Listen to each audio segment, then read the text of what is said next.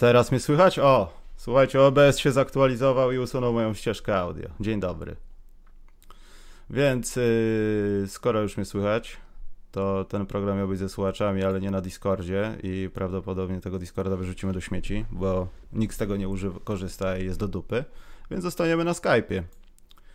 I słuchajcie, na razie nie wiem, e, tam część tych osób mam zapisanych, które się zgłosiły, ale są offline. My z Karolem chwilę pogadamy o końcu kariery świetnego koszykarza. Ja ubolewam nad tym, że to jest naprawdę koniec, a potem się będziemy z wami łączyć. Także poczekajcie, zaczniemy od niestety Vince Carter, ale to było do przewidzenia. Niestety. Ale uważasz, Karol, że Vince Carter mógłby jeszcze rok pograć? Nie. Dlaczego? 43 lata, 22 sezony w NBA. Dał koszykówce wszystko, co miał. Zresztą już rok temu zapowiedział, że to jest jego ostatni sezon. Ale że pożegna Gdyby... się z ludźmi, w sensie... Nie, to, to wiesz, to, to takie symboliczne. Jak masz rozegranych 999 meczów, to zagrasz tym tysięcznym i on jest taki symboliczny, a to jest raptem o jeden więcej od 999. To pożegnał się y, przez, przez pandemię, pożegnał się może nie tak jak chciał, bo, na, bo tam jeszcze było kilka miast, które fajnie byłoby jakby odwiedził, na przykład Toronto, a zakończył jak zakończył. Nic to nie zmienia w jego karierze. Ale wydaje mi się, że taki symboliczny powrót, zakończenie kariery w Toronto to chyba jak mało któremu koszykarzowi się należało, bo za tymi ostatnimi sezonami nie jestem, żeby się ze wszystkimi żegnać i zbierać pieniążki za koszulki i tak dalej, ale uważam, że tak symbolicznie Vince Carter, nawet już nie za sam przelot, ale że to, że udowodnił, że może ci dankerzy nie do końca są tylko dankerami. Bo myślę, że przez wiele lat weto... no dalej chyba tak jest trochę, chociaż ci ludzie się wyrabiają, bo się napatrzyli na przypadki właśnie Vince'a Cartera, że jak jesteś świetnym dankerem, to nie zawsze jesteś świetnym zawodnikiem, musisz bardzo dużo trenować. Paradoksalnie jesteś w NBA, ale musisz bardzo dużo trenować, żeby zostać w tej NBA, jak przestaniesz dankować. Albo już nie będziesz mógł tego robić, żeby się nie rozsypać. I to u Cartera myślę, że no zaszło nieco z przymusu, ale zaszło. Ja pamiętam tą dyskusję, że Atom Jamison miał być lepszy od niego. I no, to on miał rzucać nawet... po 50 punktów na mecz. No, raz rzucił po 51 w dwóch kolejnych meczach. No ale w takim bardziej znaczeniu historycznym, wiesz, że Jamison będzie Nie, no tak. gościem, a Carter będzie patrzył na jego dokonania z góry. Nawet za siebie przecież byli wymienieni w drafcie. No, to też jest ciekawa historia. Z Carterem była taka rzecz, o której się trochę mało mówi, ale, ale on już on bardzo szybko zrozumiał, że, że nie, nie wsady to będzie rzecz, która pozwoli mu grać w NBA długo.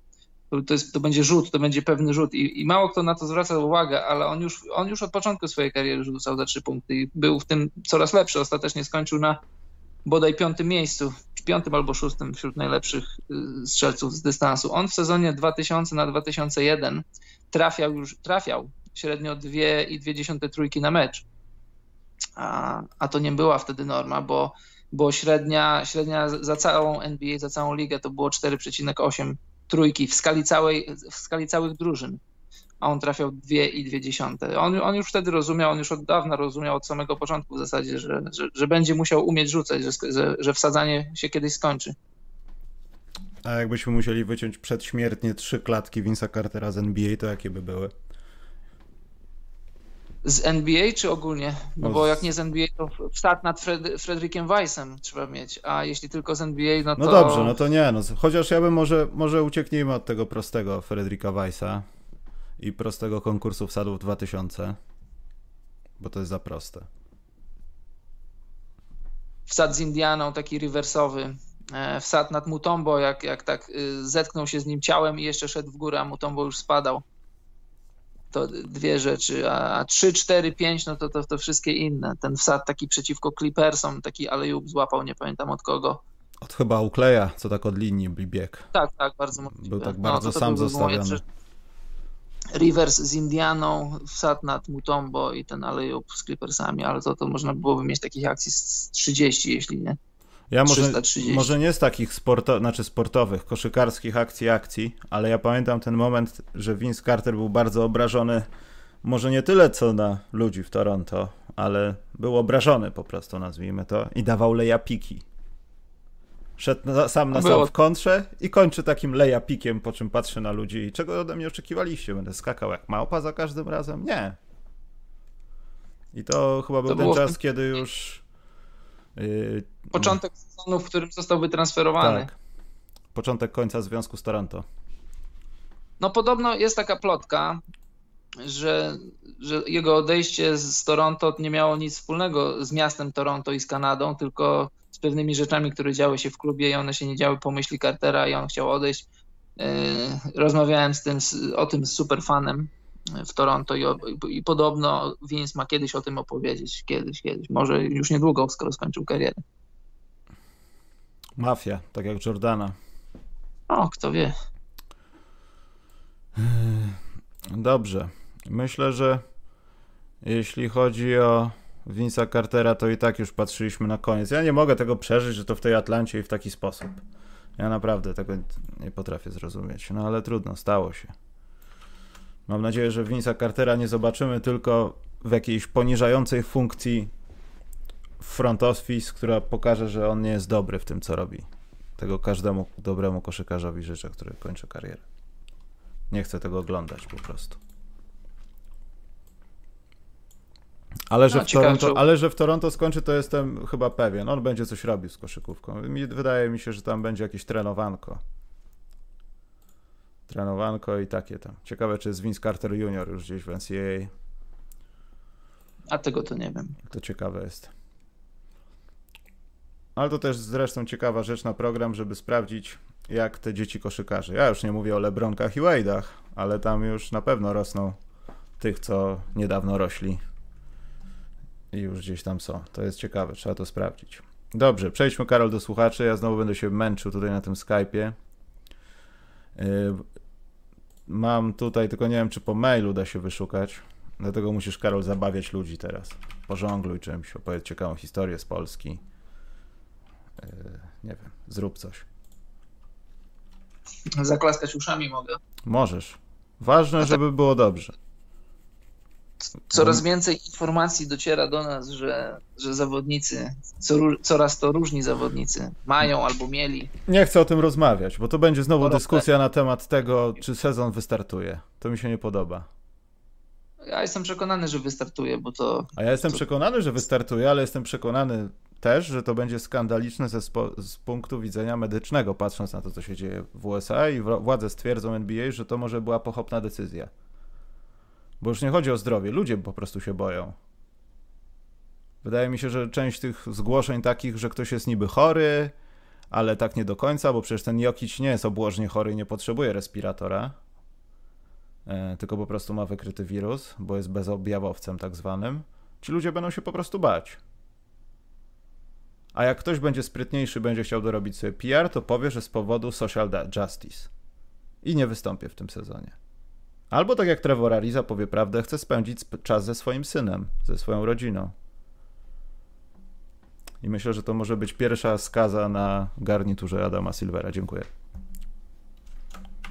No, ale to wiesz, no sam wiesz, że nie, nie tutaj nie ma idealnego rozwiązania. No właśnie nie Bo... wiemy o tym, czy nie było idealnego rozwiązania. No, a jakie mogło być idealne? Mm, nie o to chodzi, że się, że dbam, znaczy dbam, że nie chcę powiedzieć złego słowa, że się przejmuję tym albo że się nie przejmuję, ale wydaje mi się, że może faktycznie NBA mogła stracić te pieniądze, ale nie dokończyć tego sezonu i zacząć go w grudniu. Aczkolwiek też nie wiemy, co będzie w grudniu. W grudniu może być jeszcze gorzej, ale ja patrząc na to, a tego chyba się można było spodziewać, yy, no, można było to przewidzieć, że tak to będzie, że ludzie będą się bać. Do tego jeszcze doszła ta sytuacja nieprzewidywalna z panem Floydem, więc no nie wiem. Dobrze, ja szukam tego słuchacza biednego pierwszego. No ale coś mówiłeś. Mówiłem, że no, nie, no ciężko oczekiwać od Silvera, żeby, zresztą ciężko oczekiwać od tej sytuacji, że, że da się podjąć idealną decyzję, no bo liga czy tego chcemy, czy nie, musi patrzeć na, na, na, swoje finanse i na swoją przyszłość, bo gdyby ten sezon się nie, nie odbył, to by się miało swoje reperkusje w, przyszło, w przyszłości, to takiej najbliższej, ale też i na kolejne lata. No to jest raz, a dwa, no to Karol, powiedzmy sobie brutalnie, też z drugiej strony, no może nie jestem fanem tej teorii, ale chyba tak jest trochę. Co nas obchodzi, że Malcolm Brogdon ewentualnie, znaczy jest chory, to przykre, no ale że ewentualnie znaczy ewentualnie, że nie zagra. Co nas obchodzi to, że Trevor Ariza nie zagra? Nas obchodzi to, żeby Antek z LeBronem spotkali się w finale, żeby byli zdrowi i zagrali. Reszta nas nie obchodzi. To, to, prawda. To jest brutalne, ale tak jest. I to niestety ułatwia wiele no. spraw w postrzeganiu fana, po prostu postrzeganiu przez fana NBA. Skracasz drogę do dwóch najlepszych drużyn, reszta cię kompletnie nie obchodzi. Może w przypadku Jokicia i Denver, no to jest jakiś, jakiś ból, ale no nie oszukujmy się, Denver potentatami w tym roku na pas mistrzowski w NBA nie są i raczej nie będą.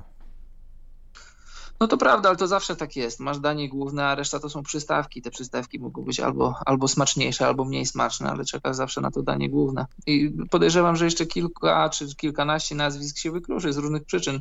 Zobacz, sezon, sezon regularny skończył się już dawno i jego nie pamiętamy. I na przykład taki Davis Bertans, który, który będzie wolnym agentem tego lata, on się zdecydował, że, że nie będzie grał. Ja nie potępiam, wydaje mi się, że rozumiem, bo patrząc biznesowo, Bertans y, grał, zagrał super sezon i on, on nie, nie, sądzę, że mógłby poprawić swoje notowanie, ewentualnie je pogorszyć. Waszyngton ma matematyczne szanse, żeby zrobić playoff. Jestem, zdziwiłbym się, gdyby je zrobili, pewnie ich nie zrobią i, i patrząc tak biznesowo, pewnie pogadał ze swoim agentem, że ma więcej do stracenia niż zyskania, tym bardziej trzeba przygotować swoje ciało na, na trudy tego sezonu, bo to będzie trudny sezon. On jest po dwóch operacjach ACL-a i on już teraz, jego obraz jest zamrożony, zapamiętany to, co robił w sezonie i z taką kartą przyjdzie dyskutować nowy kontrakt, a nie daj Boże, jakby mu się powinęła noga, zagrałby słabo, dostał jakieś kontuzje, to już jego wartość spada.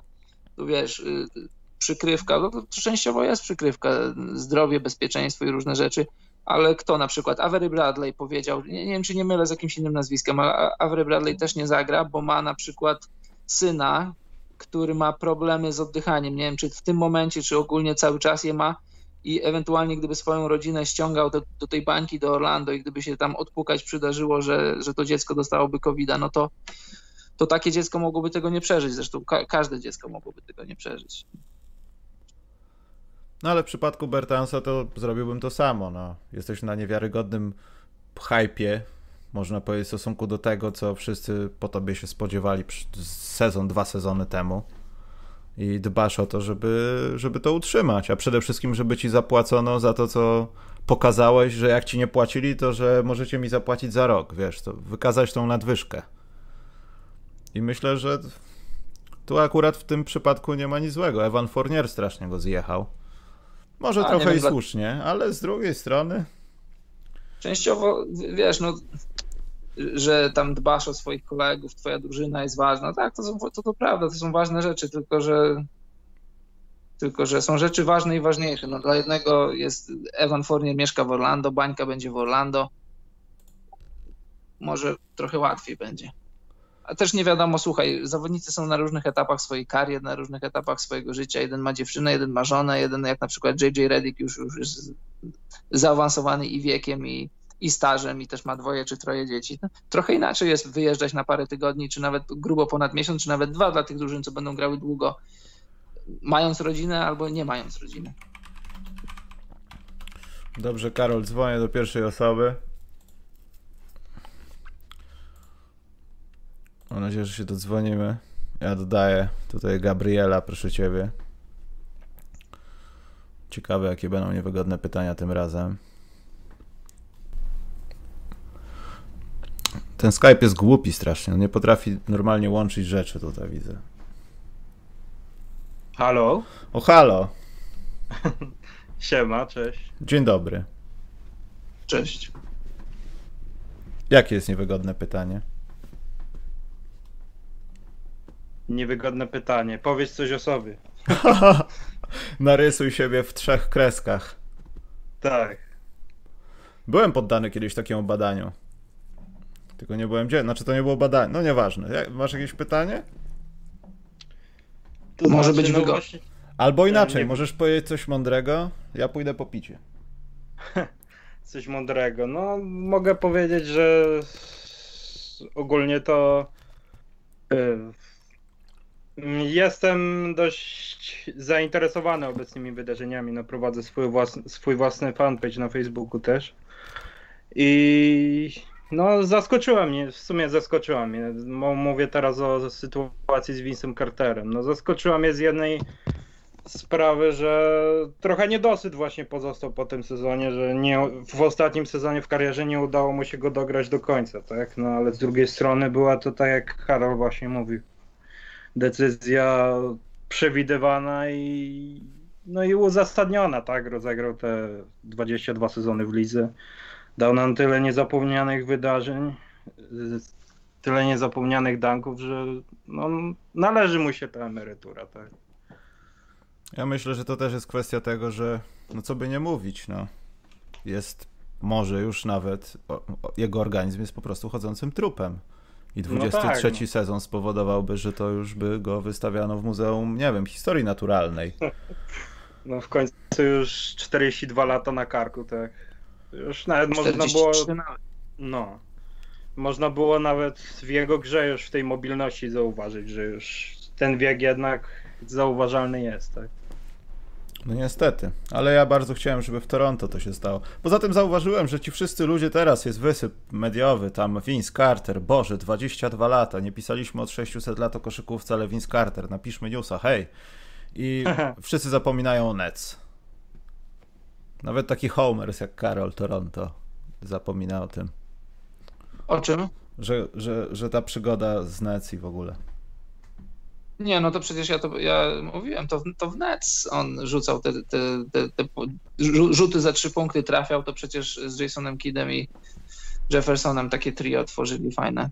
Tak, w ogóle ten skład Nets jest zapomniany mocno, nie wiem czemu.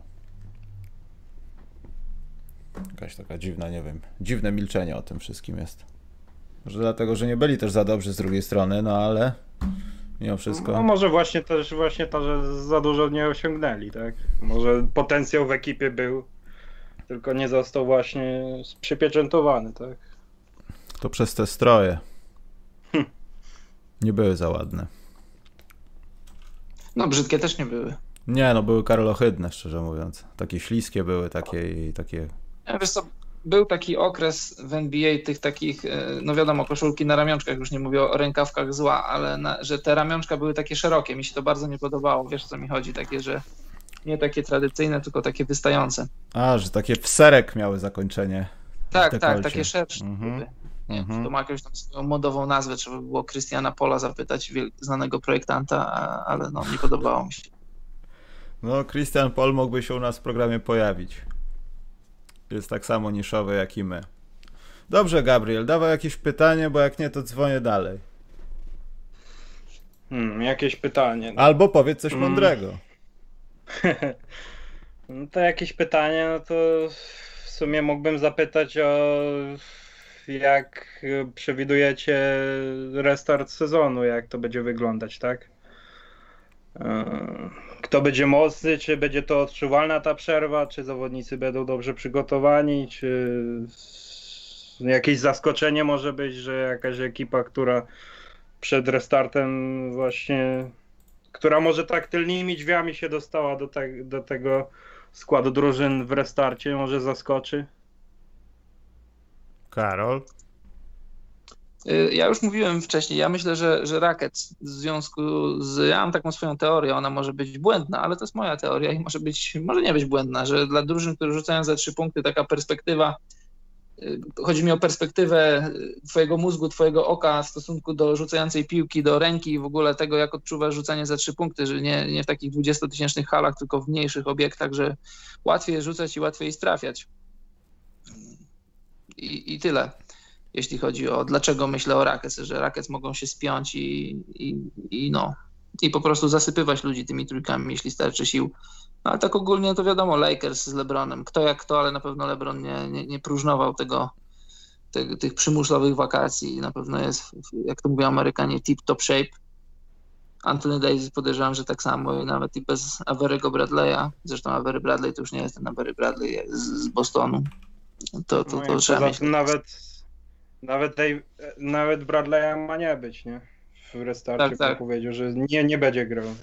Tak, i dlatego A, krążą mówię, plotki że- o tym, co bez koszulki biega, ma tam grać. Taki był koszykarz, co bez Tak. koszulki biegał dwa lata i, i ma grać. No to będzie taki trochę, to taki trochę myszka Miki skład. Masz Diona Waitersa, masz J.R. Smitha. Ciekawe, czy tam będzie można legalnie palić y, na Florydzie. W zamkniętym pomieszczeniu wszyscy będą tam siedzieć i jarać.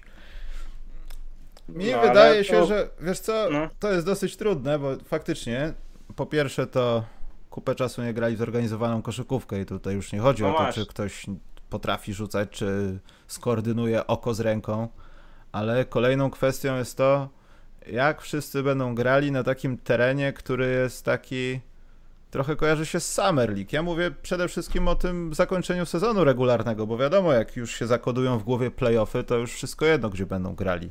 Mogą nawet na Grunwaldzie grać na ubitej ziemi i dalej będzie to to samo. Ale ten Tak. początek będzie najdziwniejszy. I właśnie na tym początku mogą się generować jakieś drużynki, które będą robiły jakieś zaskoczenia, ale chyba na koniec dnia fakt jest taki, że, że LeBron James albo wszystkich zabije z drużyną swoją, albo pokaże, że oni też są nieprzygotowani i to będą brzydkie playoffy, że to będzie się ciągnęło, nie będzie fajnego trafiania do kosza. W meczu numer 7 nagle wszyscy stwierdzą, dobra, to się rozgrzaliśmy już, możemy grać teraz. Tak. Ale myślę, że No, Lakers to- ich zniszczą. No nie mają wyjścia zresztą, no. No właśnie miałem mówić, że Lakers to tak jak mówiłem od samego początku, że jeśli, jeśli jeszcze jak nie było ogłoszonego tego restartu, że Lakers to jest drużyna, która najwięcej straciłaby na tym, że sezon by nie był dokończony, nie? Mhm. Że zostałby anulowany, tak? No bo w sumie dla LeBrona no 35 lat to już jedna z ostatnich jego szans na zdobycie mistrzostwa, tak? No, my wszyscy byśmy stracili, bo to, jest, bo to jest pół sezonu, czy to cały sezon mniej z kariery Cartera, już, już bliżej do, Tak. końca, do końca tej przygody z koszykówką niż dalej. I to wiadomo, trzeba, trzeba, się cieszyć, trzeba się cieszyć LeBronem, póki jeszcze w lidze jest. No właśnie, o to chodzi. A jeszcze miałem mówić o też aspekcie kibiców, tak? No wiadomo, że. Kogo? No ale właśnie braku kibiców, tak? Że wiadomo, że to będzie tak jak gra treningowa, tak, ale masz grę treningową, ale naprzeciw masz przeciwników. No i czy to też będzie taki aspekt, który może w niektórych momentach może meczów zaważyć, tak? To teraz Sobie- może głupio zabrzmieć, ale zdarzyło mi się, nie wiem, ze dwa tygodnie temu i to też nie całe, gdzieś jakiś kawałek widziałem. Jak wygląda teraz WWE, wrestling. No ja wiem, bo oglądam na, w sumie na ten. To jest tak traumatyczne. Regularnie. I, i Tak. na podstawie tego stwierdziłem, że cholera, no jednak ci ludzie są potrzebni.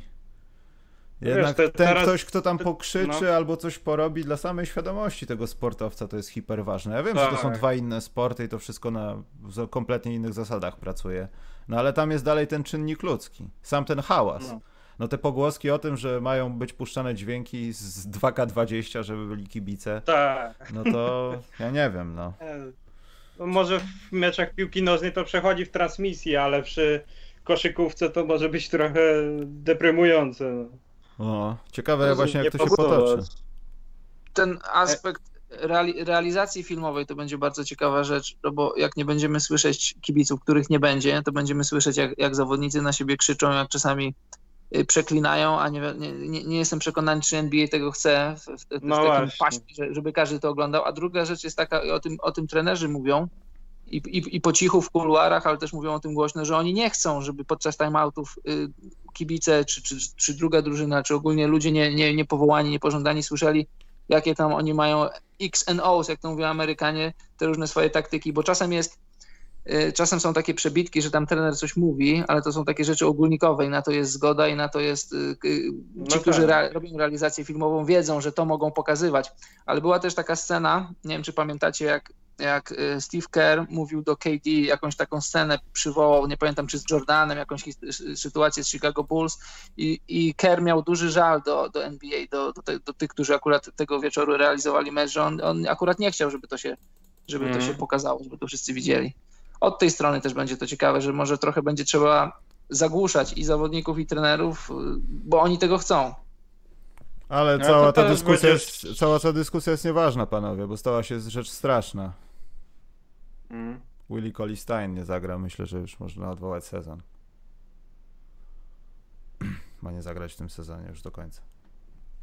Także. Bo co się stało? Nie wiem, jak wy mówiliście, to przeczytałem, że coś a propos tego, że nie wiem, czy mu się dziecko urodziło, czy coś, że coś z dzieckiem. Aha. Także No trudno, no. Nie, to jest porażająca raz, bo wiadomość. mnie, bo mnie przycięło i nie słyszałem. Willie Colley Stein nie Dziękuję. zagra do końca sezonu już. To jest porażająca wiadomość. Dziękujemy za, dziękujemy za teraz i, i do zobaczenia w przyszłym sezonie. Proszę bardzo. Dobra, Tak. skoro Nie, są już słuchaj, takie... to, to wiesz, no. żarty na bok, to jest jak, naj, jak najbardziej zrozumiałe. Warriors o nic nie grają, absolutnie o nic. A czekaj, on nie jest w Warriors, on gdzieś poszedł. No był, tak. był. Dallas jest przecież. On jest w Dallas. Czy by się przydał, to nie wiem, ale jak mu się urodziło dziecko, no to tam wszystkiego dobrego, winszuję. Znaczy nie, w jakim Dallas, o czym ja mówię? Trey Berg podpisał On- z Dallas, bo mi się już zakładki mieszają. Był w trakcie sezonu transfer Tak, był. Steina, gdzieś poszedł, nie pamiętam gdzie on poszedł. Do Anvilu. Do Minnesota? Nie do Minnesota A nie do Anvilu? A może do Anvilu? Albo do Zielonej Góry, nie wiem, bo tam są jakieś... Na przykład Earl Watson dzisiaj Karol podpisał z Legią Warszawa. Mm. Tylko nie ten, co grał w NBA, tylko inny. Mm. Ale Earl Watson. Dobrze, Gabriel, lecimy dalej w takim razie. Spoko. No. Dzięki za rozmowę. Fajnie Trzymaj się, rozmawiałem. czołem, cześć, cześć. Pozdrawiam, cześć, cześć. Ja muszę, Karol, sobie zapisywać tutaj chyba te kontakty, bo potem mam za dużo wyszukiwania. Jedziemy, zadzwonimy teraz do Marka, a ja pójdę po coś do picia naprawdę teraz. Więc Karol, Dobrze. musisz popisać się czymś, jakimś dowcipem, intelektem, nie wiem. Tylko o polityce nic nie mów. Spróbuję. Nie spróbuję, tylko nie mów.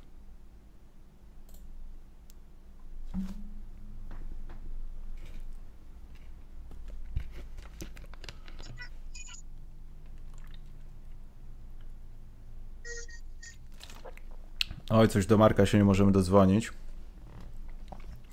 Słuchaweczka jest jakaś dziwna tutaj. To zrobimy tak, że zadzwonimy teraz gdzieś indziej, a potem zadzwonimy tutaj. Tylko poczekaj, namierzę to gdzieś indziej teraz. O. Namierzyłem.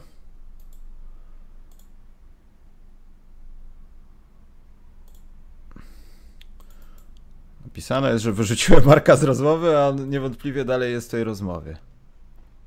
Bardzo dziwne. Dobrze, Karol, poczekaj. Mhm. To nie działa tak jak w telewizji jednak. O! To teraz do Szymona zadzwonię. A jak już się wszystko kompletnie popieprzy, to Marek i Szymon będą naraz i to będzie chyba najlepsze Dzień łączenie. dobry, dzień dobry. Dzień dobry. Dzień dobry, witam. Y, Miał, y, czyli co, dzisiaj o polityce. Nie, nie, poczekaj, gdzie jest ten przycisk? Gdzie mój przycisk? Czerwony, czerwony, czerwony, szybko. Cholera nie działa. Y, y, Fajnie się słyszeć raz jeszcze. Y, Strasznie żałowałem właśnie ostatnio, jak rozmawialiśmy, że miałem Karola na linii i nie zapytałem go o najważniejsze. Halo, halo? Słucham bardzo. Ja się boję słuchać aż. Kto w tych wyborach nie no żartuje? E, Słuchaj, e, tak naprawdę, bo e, Karol jako no, chyba jeden z niewielu ludzi tak e, bliżej e, kibiców polskich miał okazję rozmawiać z wieloma e, z byłymi zawodnikami i tak samo z ludźmi, którzy są gdzieś w okolicach meczów e, i, i to jest w sumie mnie to zawsze ciekawiło. E, Tak jak rozmawialiście kiedyś o pani Betty, która była w Paryżu i, i nie tylko, e, ciekawi mnie, e, jaka, jaka osoba ci najbardziej zapadła w pamięć? E, Niekoniecznie były zawodnik, e, może być to właśnie ktoś nawet z obsługi, e, który zrobił coś, nie wiem, to już sobie wybierz, czy coś dziwnego, czy coś, co, co wprawiło cię w osłupienie albo poczułeś się dziwnie. To już, to już zdecyduj, co, co jest według ciebie no, najistotniejsze albo najciekawsze z takich historii, które miałeś okazję, z takich rozmów, jakie miałeś okazję przeprowadzić. Oj, dziękuję za pytanie. tak żeby, żeby nie milczeć za długo, żeby się nie zastanawiać. E, z Tonym Allenem miałem, miałem bardzo, bardzo fajną rozmowę taką. E, byłem w Toronto było i grali z Memphis Grizzlies i, i po meczu siadłem sobie obok Tonego Allena i on taki zmęczony, tak się rozbierał, zdejmował buty, wszystkie tam ochraniacze, różne rzeczy i tak w międzyczasie jak to wszystko robił, to rozmawiał sobie ze mną i, i tak na luzie sobie rozmawialiśmy o czasach w Bostonie, o tym takim, mm. że, oni, że oni tam się kumplują poza parkietem z, z Garnetem, z Rondo i, i ze wszystkimi, o jego kontuzji kolana. Taka właściwie Ale rozmowa o wszystkim niczym. Słucham? Chyba nie z Alenem. Y, z Rayem Allenem chyba nie, chyba nie, tak, tak. I, i, i tak w ogóle śmiesznie on wyglądał, bo taki był no, jak, jak, jak taki y, koń po westernie, taki mocno zmęczony i taki, taki nie, nie przygaszony, ale tak, tak jakby to ktoś z boku na to spojrzał, to on tak wyglądał na takiego, jakby zaraz miał zgasnąć, ale bardzo chętnie rozmawiał, w ogóle powiedział, żebym sobie usiadł koło niego i sobie, co, co, co zrobiłem i, i fajna rozmowa. Też często wracam, to już mówiłem wiele razy, że z Polem Millsapem, super rozmowa w Londynie, czułem się jakbyśmy, nie wiem, ze, ze, sobą do szkoły chodzili. Też już mówiłem wiele razy, ale powiem tobie przy tej okazji, że, że Londyn, y, nie wiem, czy będzie kontynuowany, ale w tych latach, kiedy Londyn był, to duży atut był taki, że angielskie media nie były tak bardzo NBA zainteresowane i dużo ciekawych rzeczy można było zrobić z zawodnikami, bo po prostu większy dostęp był do nich i oni też widziałem, że jak zauważali, że ktoś się zna i się interesuje, to też byli bardziej otwarci i, i z, z Polem Millsapem taką miałem też fajną, ciekawą, długą rozmowę. No dużo, dużo różnych ciekawych historii miałem przez te lata. To chyba tylko zatrzymam się na tych dwóch. Jeszcze powiem trzecia, taka fajna, bo z Portland mhm. był mecz i, i Damian Lillard osiągnął jakiś tam milestone, nie pamiętam, 10 tysięcy punktów w karierze, czy, czy ileś tam. I ja sobie stałem i patrzyłem w statystyki, a poczułem, ktoś mnie stuka po plecach. Odwracam się, a to Damian Lillard i mówi, ty, mówi, jak, jak już popatrzysz na te statystyki, to ja bym rzucił okiem. Mówię, no proszę Damian, masz. Wiesz, takie, no, nieczęsto się zdarza, że ktoś, ktoś cię stuka po plecach, odwracasz się, a tam gwiazda NBA. I mówi, że poczeka na swoją kolej. Tak, tak, nie, ja mu, ja mu, ja mu dałem od razu. Od razu no domyślam się, domyślam się, każdy chyba by tak zrobił. E, niemniej jednak chyba nie wyczerpałeś do końca e, e, tego, o co mi chodziło, bo nie, nie, nie nakierowałem też dobrze tego pytania, bo no. skłaniałem się, myślałem, że, że pójdziesz bardziej w stronę, że to będą jacyś zawodnicy typu właśnie tak jak ostatnio mówię, że to z JJ Redickiem, wiesz, ten, ten poziom zawodników, a tu wymieniłeś no, no niemalże topowych, nie? Takich, takich gdzieś się mieszczących w swoich primach, no łącznie z Lillardem w tam top 30, top, top 20, jak sobie to tam gdzieś poukładasz. E, a ciekawi mnie, wiesz, e, ciekawią mnie też rozmowy z takimi, no, z taką szarą eminencją, gdzieś tam się z nimi przecinasz. Nie mówię tutaj o superfanie, bo, bo jest superfanem i wszyscy go kojarzą, ale właśnie e, kimś takim jak, jak Betty. Niekoniecznie może rozmawiałeś, ale gdzieś wiesz, do, dostrzegasz ich pracę, czyli coś, czego nie jesteśmy w stanie zobaczyć, dopóki nie pojedziesz na, na mecz NBA. I interesuje mnie to, czy wiesz, patrząc na, na po prostu do, do czego zmierzam, do brzegu idąc, e, patrząc na, na, na, na całą obsługę meczu podczas tego, jak oglądaliśmy jeszcze za starych, dobrych czasów, kiedy byli kibice i wszyscy wokół ludzie, którzy byli potrzebni, e, to zawsze mnie intrygowało, wiesz, jak to jest być tak blisko tych ludzi. No i dla nich to jest zwykła praca. Oni po prostu to, że codziennie mijasz się z LeBronem Jamesem w drzwiach, to jest po prostu twoja praca i absolutnie nie możesz wziąć autografu, ani też y, nie możesz się narzucać. Czy miałeś y, kontakt z takimi ludźmi, czy, czy w ogóle interesowała cię y, ich wiedza, jaką mają? Bo wydaje mi się, że tacy ludzie często widzą więcej, niż by można było przypuszczać. O, to, to, to jest bardzo ciekawe pytanie. Tak, jasne, bardzo, bardzo dużo taki, tego, tego typu ludzi. Zaczynając, wiesz, zaczynając od, od zwykłych ludzi, takich otwierających drzwi, ludzie z ochrony, tak. ludzie sprzedający bilety, którzy są malutkim trybem w tej całej machinie, ale jak jesteś w tym z bliska, to widzisz, że, że oni są ważni i potrzebni i też widzisz, to mi się zawsze bardzo podoba, bo wiesz, no nie mam jakiejś tam super historii oglądania meczów polskiej ligi, no ale jakąś tam mam, jak, jak byłem mały, chodziłem na, na Start Lublin, czy, czy, czy wtedy to jeszcze nie Start Lublin, tylko AZS Lublin. No to, to trochę inaczej, inne podejście człowieka do człowieka, ale na przykład ludzie, którzy podają piłki, ci tak zwani ball boys czy ball girls w dzisiejszych czasach. To był Lublin przez umlał wtedy. No, no, wtedy tak. Y, na przykładzie Toronto, bo tam byłem najwięcej w tej hali, jest, jest, jest taki facet, nie pamiętam jak on się nazywa, ale taki jest dosyć charakterystyczny, bo, bo jest łysy z brodą i to jest facet, który w czasie, w czasie rozgrzewek podaje piłki, tam czasami pomaga w jakichś tam ćwiczeniach, ale to no, pomaga na tyle, na ile jest potrzebny. Zazwyczaj podaje piłki, później jest, jest w szatni, zbiera koszulki od zawodników, do takiego kubła wrzuca i to później idzie, jak podejrzewam, do jakiejś tam pralni. Jest taki powiedzmy, no taka postać techniczna, ale wszyscy zawodnicy go lubią, łącznie z drużynami przyjezdnymi. Zawsze tam parę słów ktoś z nim zamieni, piątkę przybije, czy coś takiego.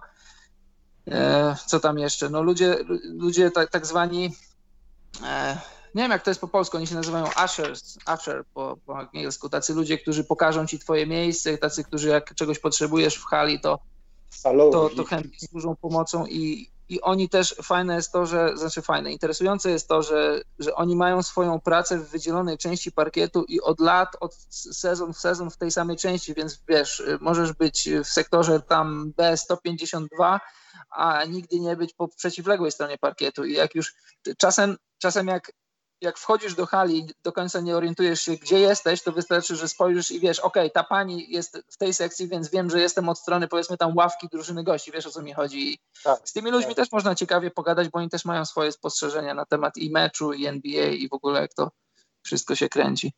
No właśnie, no to jak już y, nakreśliłeś tak szeroko tych ludzi i ich pracy, czy jesteś w stanie przytoczyć coś takiego, bo wiesz, często, y, często tego typu y, osobistości, persony są dłużej w drużynie niż nie jeden zawodnik, nie? To jest tak, że oni przeżyli powiedzmy nie jeden skład, a, a dwa lub więcej. Czy miałeś okazję właśnie gdzieś na przykład w, Toron w Toronto z kimś porozmawiać, kto pamięta Cartera, pamięta McGrady'ego i tak dalej, i tak dalej, nie? Tak, tak. Rozmawiałem z takim człowiekiem, który miał koszulkę Żana, Żana Tabaka. O właśnie, przecież polski akcent, polski akcent i, tak. i to była oryginalna meczowa koszulka. On ją właśnie od Żana Tabaka dostał i opowiadał mi, jak to w ogóle, jak tam początki klubu, że im się wydawało, że to nie ma szans się utrzymać, no bo to po, y, potrzeba było pokolenia, czy nawet dwóch, żeby Kanadyjczyków nauczyć y, koszykówki, po, po pierwsze zainteresowania, a po drugie, żeby już tak znali się na tym sporcie. E, no i co najciekawszego od niego, coś jakąś e, ciekaw, ciekawą anegdotę usłyszałeś na przykład? Od niego akurat nie, od niego to historia właśnie tego, co powiedziałem, plus o tej koszulce, ale też od, od, e, nie pamiętam z kim to rozmawiałem, e, historia taka e, związana z, z, Cleveland i z Tristanem Thompsonem. Mhm. Tristan Thompson, Kanadyjczyk, Kanadyjczyk też albo z Toronto, albo z okolic i na, tam na mecze przychodzi matka, matka Tristana Thompsona, nie z ojcem, tylko z jakimś tam powiedzmy szeroko rozumianym partnerem Wujkiem. życiowym obecnym. Wujkiem powiedzmy, czy kimś takim. Tristan Thompson ma wujka. I ten pan, ten chłopak, chłopak matki i Tristana Thompsona, on sobie na meczach lubi wypić. A podobno jak, jak już sobie wypije, to, to mu się rozwituje język i podobno, i podobno sprzedaje różne takie czasem insiderskie wiadomości, że, że Tristan Thompson na przykład, że, że bardzo lubi Vince'a, nie Vince'a, bardzo lubił y, grać z LeBronem, uwielbiał LeBrona, grało się z nim super, ale też z kolei dochodzą głosy z wewnątrz ligi, że, że jest wielu koszykarzy, którzy może nie tyle nie lubią, co często obawiają się o swoje kariery, że, że granie wspólne z LeBronem może trochę stłamsić, przygasić ich kariery. Co zresztą mieliśmy okazję obserwować, czy na przykład Chris Bosh, czy na przykład Kevin Love, że rola się zmienia, tak, idziesz zdobywać mistrzostwa, ale, ale, ale jakimś, płacisz za to jakąś tam cenę. Popatrz, co zrobił z Irvingiem. Ale on nie ma wujka. No. No. Dobrze, że Irving nie ma wujka, bo to by był bankowo płaskoziemiec. Nie mogę. Thompson ma wujka. To ładnie. no, musiałbym, wiesz, takich, takich historii, takich, takich yy, około meczowych miałbym więcej, tylko nie chciałbym teraz tak, wiesz, za, za, za dużo się zastanawiać i też nie opowiadać A ja mam masę, takich, ja mam masę, ja mogę za Karola opowiedzieć. Śmiało. Pierwsza taka to alkoholiczni dziennikarze z Włoch albo z Hiszpanii w Paryżu. Ale poczekaj, czekaj, chcesz mi powiedzieć, że e, goście z akredytacją byli nawaleni po prostu? Tak, i darli twarz na nas, bo my z Karolem ośmieliliśmy się skomentować coś podczas grania hymnu amerykańskiego. Wow. No i wywiązała się dyskusja. Ale byli nawaleni jak nic, no jeden to ledwo się wtaczał po tych schodach, no. No i powiedz tak, mi, jak, jak to wygląda od strony właśnie takich tych gości porządkowych? Czy oni widząc kogoś na, na, na bzdryngolonego jak Messerschmitt, to nie reagują?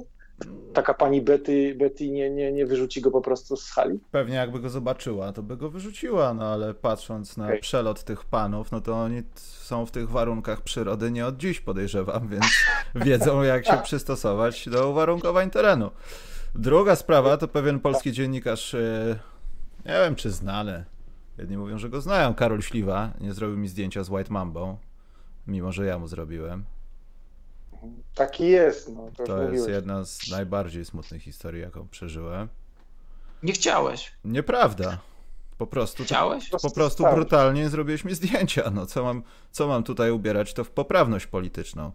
Druga sprawa to jest dziennikarz z Anglii z BBC, z którym śmiałem się z godzinę przez to, że ludzie potykają się o takie coś na kabel. Karol też się potknął. To jest takie też śmieszne, ciekawe. A trzecia rzecz to pani Betty. Ja się jej boję. Po trzech latach dowiedziałem się, jak ma na imię i nazwisko, także to, to, to o czymś mówi już. Wiem, jak się nazywa. Z nią zamienić zdanie lub nakrzyczała kiedyś na ciebie? Nie, y, ale Karol był świadkiem, ja raz ją poprosiłem o zdjęcie. I co? Y, I nie pobiła mnie, ale zarumieniła się. I powiedziała, no że nie, nie chcę, nie chcę. I tak Aha. zrobiłem.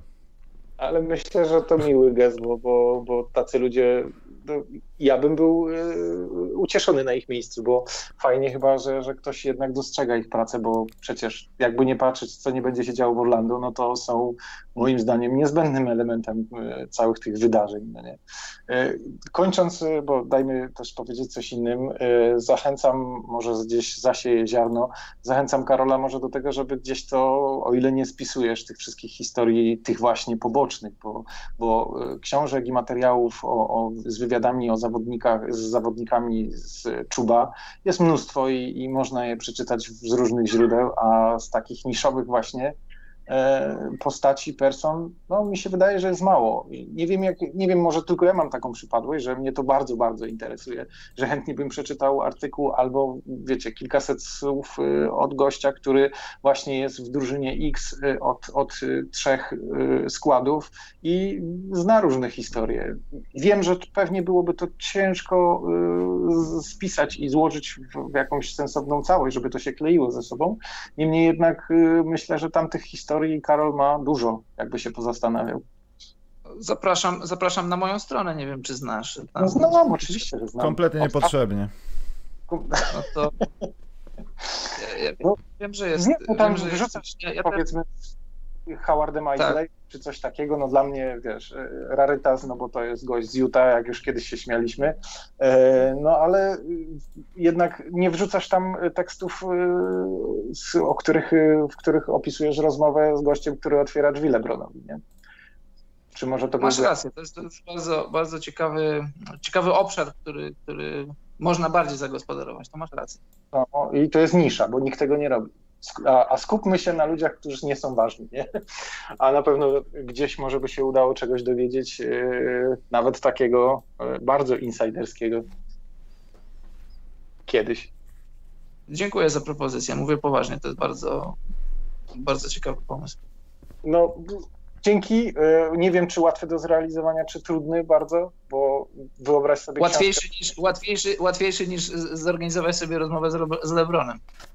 E, no na pewno, a czy dojdziesz do kogoś, kto jest przy nim blisko? Myślę, że łatwiej, nie? To tak, masz rację. Myślę, że to tak. jest jakiś trop. Delonte West podobno jest łatwy do złapania. to nie jest dobry trop. A prawie ojciec. Eee, dobrze, musimy dzwonić dalej. Koniecznie, koniecznie, bo zabrniemy, wy się zaraz pokłócicie, zaraz jeszcze coś Michał powyciąga i będzie na mnie, że rozbiłem podcast. E, dobrze, Już dzięki tak serdeczne. Słyszymy się następnym razem, mam nadzieję. Pozdrawiam wszystkich, czołem. Hej. No, cześć, czołem. Na razie. Cześć. Dzwońmy do Marka w takim razie, bo Marek może nas oczekuje, a my po chamsku jeszcze do niego zadzwoniliśmy. A jak nie, to może ktoś na czacie chciałby się połączyć, bo myślę, że mamy czas jeszcze na jakieś połączonko. Albo. Poczekaj, Karol, coś mi się tu wyprawia w tym. Nie wiem, czy mi się. Marek chyba jest niedostępny. Chyba jest na toalecie i czyta newsy o polskiej koszykówce. Bo nie odbiera w ogóle. A to niedobrze, bo mógł powiedzieć coś ważnego. Dobrze, Karol, może Mhm. jakieś pytanko na czacie jest. Jeśli się Marek nie znajdzie. O, tu się coś. Tak, no dobrze mi się wydawało, że Willy Colistan jest Dallas. Ja nie wiem. Jakoś tak instynktownie to przeszło przez głowę i do. O, widzisz, jednak człowiek ma momentami dobrą pamięć przypadkową. A, to ja mam bardzo ważną informację. Znaczy, może ona nie jest jakaś specjalnie ważna, ale to jest rzecz, która nie wiem jak się skończy, ponieważ chyba podziękujemy naszemu hostingowi podcastowemu, darmowemu co prawda, za uwagę, bo no, są kłopoty z przynajmniej ważnymi bardzo rzeczami, jak autoryzowanie podcastów. Nie mogę niczego robić bez udziału ich, a ich support nie, odpo- nie odpowiada na maile, więc tak naprawdę nie mogę zrobić nic. Więc chyba przenosimy się na SoundCloud już tak kompletnie i wydaje mi się, że to może trochę potrwać. W sensie usunięcie tamtego, dodanie tutaj nowych rzeczy i tak dalej. Także myślę, że w okolicach weekendu ten podcast będzie ostatni, który będzie wrzucony tradycyjnie, a potem będzie pewnie jakaś przerwa kilkudniowa i w ogóle nie będzie tego w internecie, aż się pojawi to wszystko na SoundCloudzie. Bo SoundCloud będzie pobierał na Spotify i tak dalej, i tak dalej, i tak dalej i to pewnie zajmie jakiś czas. Nie wiem jak długi i nie wiem, czy przez jakiś czas nie będzie dwóch podcastów naraz w internecie, na iTunesie, gdziekolwiek. Dlatego od razu uprzedzam. Stanisław Ochucki powita nas na SoundCloudzie, ale to w najbliższej przyszłości. Dobrze, Karol, ponawiam dzwonię do Marka, jak Marek nie odbierze i nikt nie zada sensownego pytania, to możemy iść. Chyba, że ktoś chciałby do nas zadzwonić i naobrażać na przykład Karola, to, to jeszcze jesteśmy. Bardzo proszę. Zauważyłem, że jak Karol mówisz coś o polityce, to wtedy ludzie dzwonią. Może te, teraz coś powiedz o polityce i, i ludziom będzie łatwiej. Nie, I przyszło powiadomienie. Karol coś mówił, miał mówić o polityce, przyszło powiadomienie. mhm. nie mów. Ja nie będę się pytał, skąd to powiadomienie. O, Maciek Dąbrowski, bardzo dobrze. Kąpiesz dziecko, kąp dobrze. Czystość dziecka jest najważniejsza. Ale poczekaj, miałem zapisaną jedną sprawę też.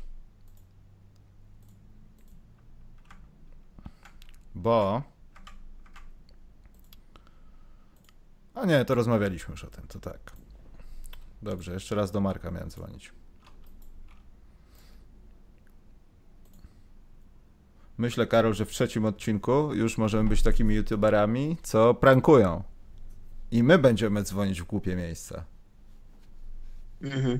Na przykład, gdzie byś zadzwonił, Karol, teraz? Do zakładu pogrzebowego. I co byś zrobił? Nie, to jest takie prosto oklepane do zakładu. I co byś powiedział? Że panowie, jestem w środku i otwórzcie tą lodówkę?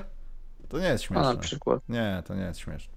Albo do jakiegoś tam sztabu wyborczego. A, Nie, bardziej myślałem, że na przykład byśmy zadzwonili na ulicę Ciołka, przedstawili się jako wiesz kto i zmienili na przykład system rozgrywek w Polsce.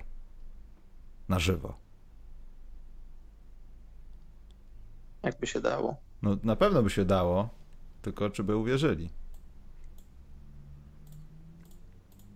Chyba nie.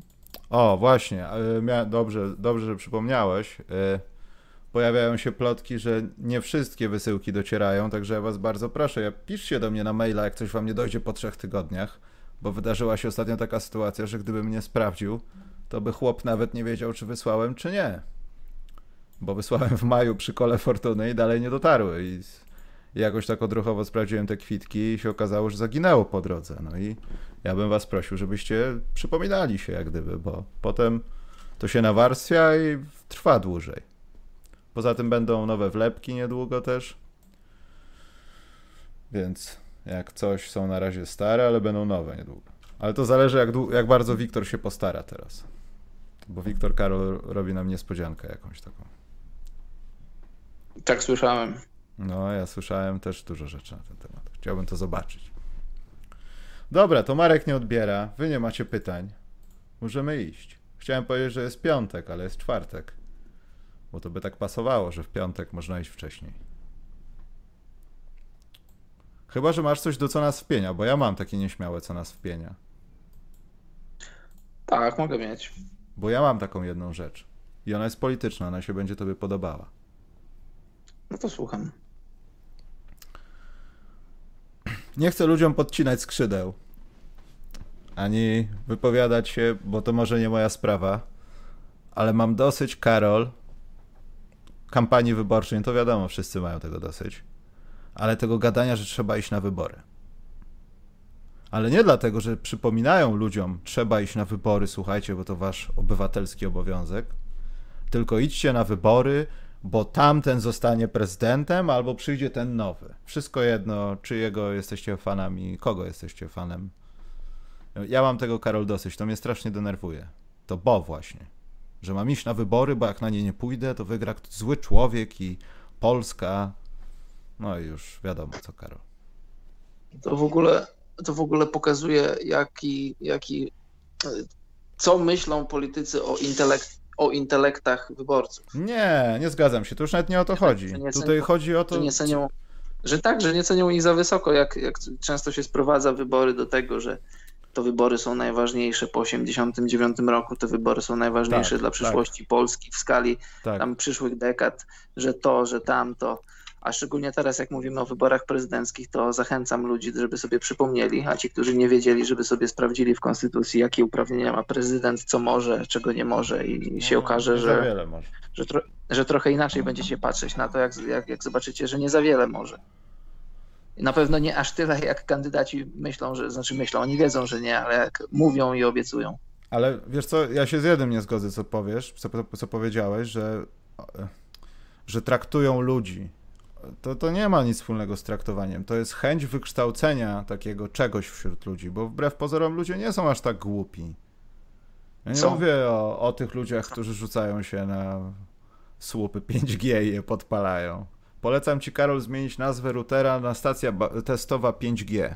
Zobaczysz, jak często ludzie będą pod twoim domem, jak ktoś znajdzie coś takiego. Czytałem ostatnio w sieci bardzo ciekawy eksperyment. No nic, e, ale wydaje mi się, że to bardziej jest to, żeby właśnie zmusić do wytworzenia albo wytworzyć taką panikę, wiesz, że jak nie, to przyjdzie kudłaty. Ale to oczywiście to jest straszenie, straszenie, tu sobie wstaw, e, straszenie ruskimi, straszenie Niemcami, straszenie Amerykanami. To, dokładnie, zostawmy to w boku, ale bardziej mi chodzi o to, że y, to straszenie jest, a nie, że powinienem się cieszyć z tego, że żyję w demokratycznym kraju i mam prawo pójść do wyborów i mam taki obowiązek. Wszystko jedno, czy oddam nieważny głos, czy ważny, to poświęcę te kilka minut w swoim życiu, żeby pójść, zrobić to, co, to, co mam. Bo powiedzmy, w innych krajach tego nie ma. To na tym to, to, to powinno polegać, problem, Karol, a nie bo. No niestety, po, po 31 latach polska polityka nadal jest na poziomie piaskownicy. Zobacz, prosty przykład. My rozmawiamy o tym, jak jeden z kandydatów zna języki obce, o czym my tu w ogóle mówimy, jakie to ma jakiekolwiek znaczenie. Fakt, że w ogóle my się tym zajmujemy, wyborcy, fakt, że się media tym zajmują, fakt, że sztaby próbują grać na tym jakąś grę, to, to pokazuje infantylizm polskiej polityki, że po 31 latach nadal takie rzeczy się dzieją, że się sprzedaje ludziom e, łajno, za przeproszeniem, bo, bo ludzie to kupią, bo, bo, bo, bo politycy mają przyzwolenie na to, bo ordynacja wyborcza w Polsce jest fatalna, bo się głosuje nie na, nie na poszczególnych ludzi, tylko na listy, na partie to się szkoda, że szkoda, że nikt się za to nie chce zabrać. To znaczy pewnie ktoś chce się zabrać, ale wiesz jak jest, wiesz jak jest, jak, jak torcik jest pokrojony, jeśli chodzi o media, jeśli chodzi o, o, o przekaz, jeśli chodzi o na przykład media publiczne. Ale jakoś nie widzę, żeby to się miało zmienić w najbliższej przyszłości. A twoje, co, co cię wpienia? Bo to mnie bardzo wpieniło w tym tygodniu. A, to taka, taka, taka prosta rzecz, taka bardzo prosta rzecz, to, to, to nawet śmieszna można powiedzieć. Jest takie słowo także, prawda? I to słowo ma dwa znaczenia. Możesz powiedzieć e, także, czyli również, że lubię truskawki, no wiesz, tak, a także a lubię truskawki, a także maliny, coś, coś tego typu. Ale wpienia mnie używanie tego słowa e, jako, jako zamiennika do a zatem. Ktoś mówi na przykład, że coś tam, że wiesz, jest jakaś rozmowa, no dobrze, dobrze, no, no, no także widzimy się tam jutro o 18 i użycie tego słowa w znaczeniu, mówisz tak, że w znaczeniu zatem, a nie również i to mnie wpienia. Nie wiem dlaczego, ale jak, jak słyszę, jak ktoś, ktoś tak mówi, mówi tak, że, tak, że coś tam, to mnie to e, w umiarkowany sposób wpienia. Mam kolegę w pracy, który mieli... mówi chcę i to mnie wpienia. Powiedz mu to.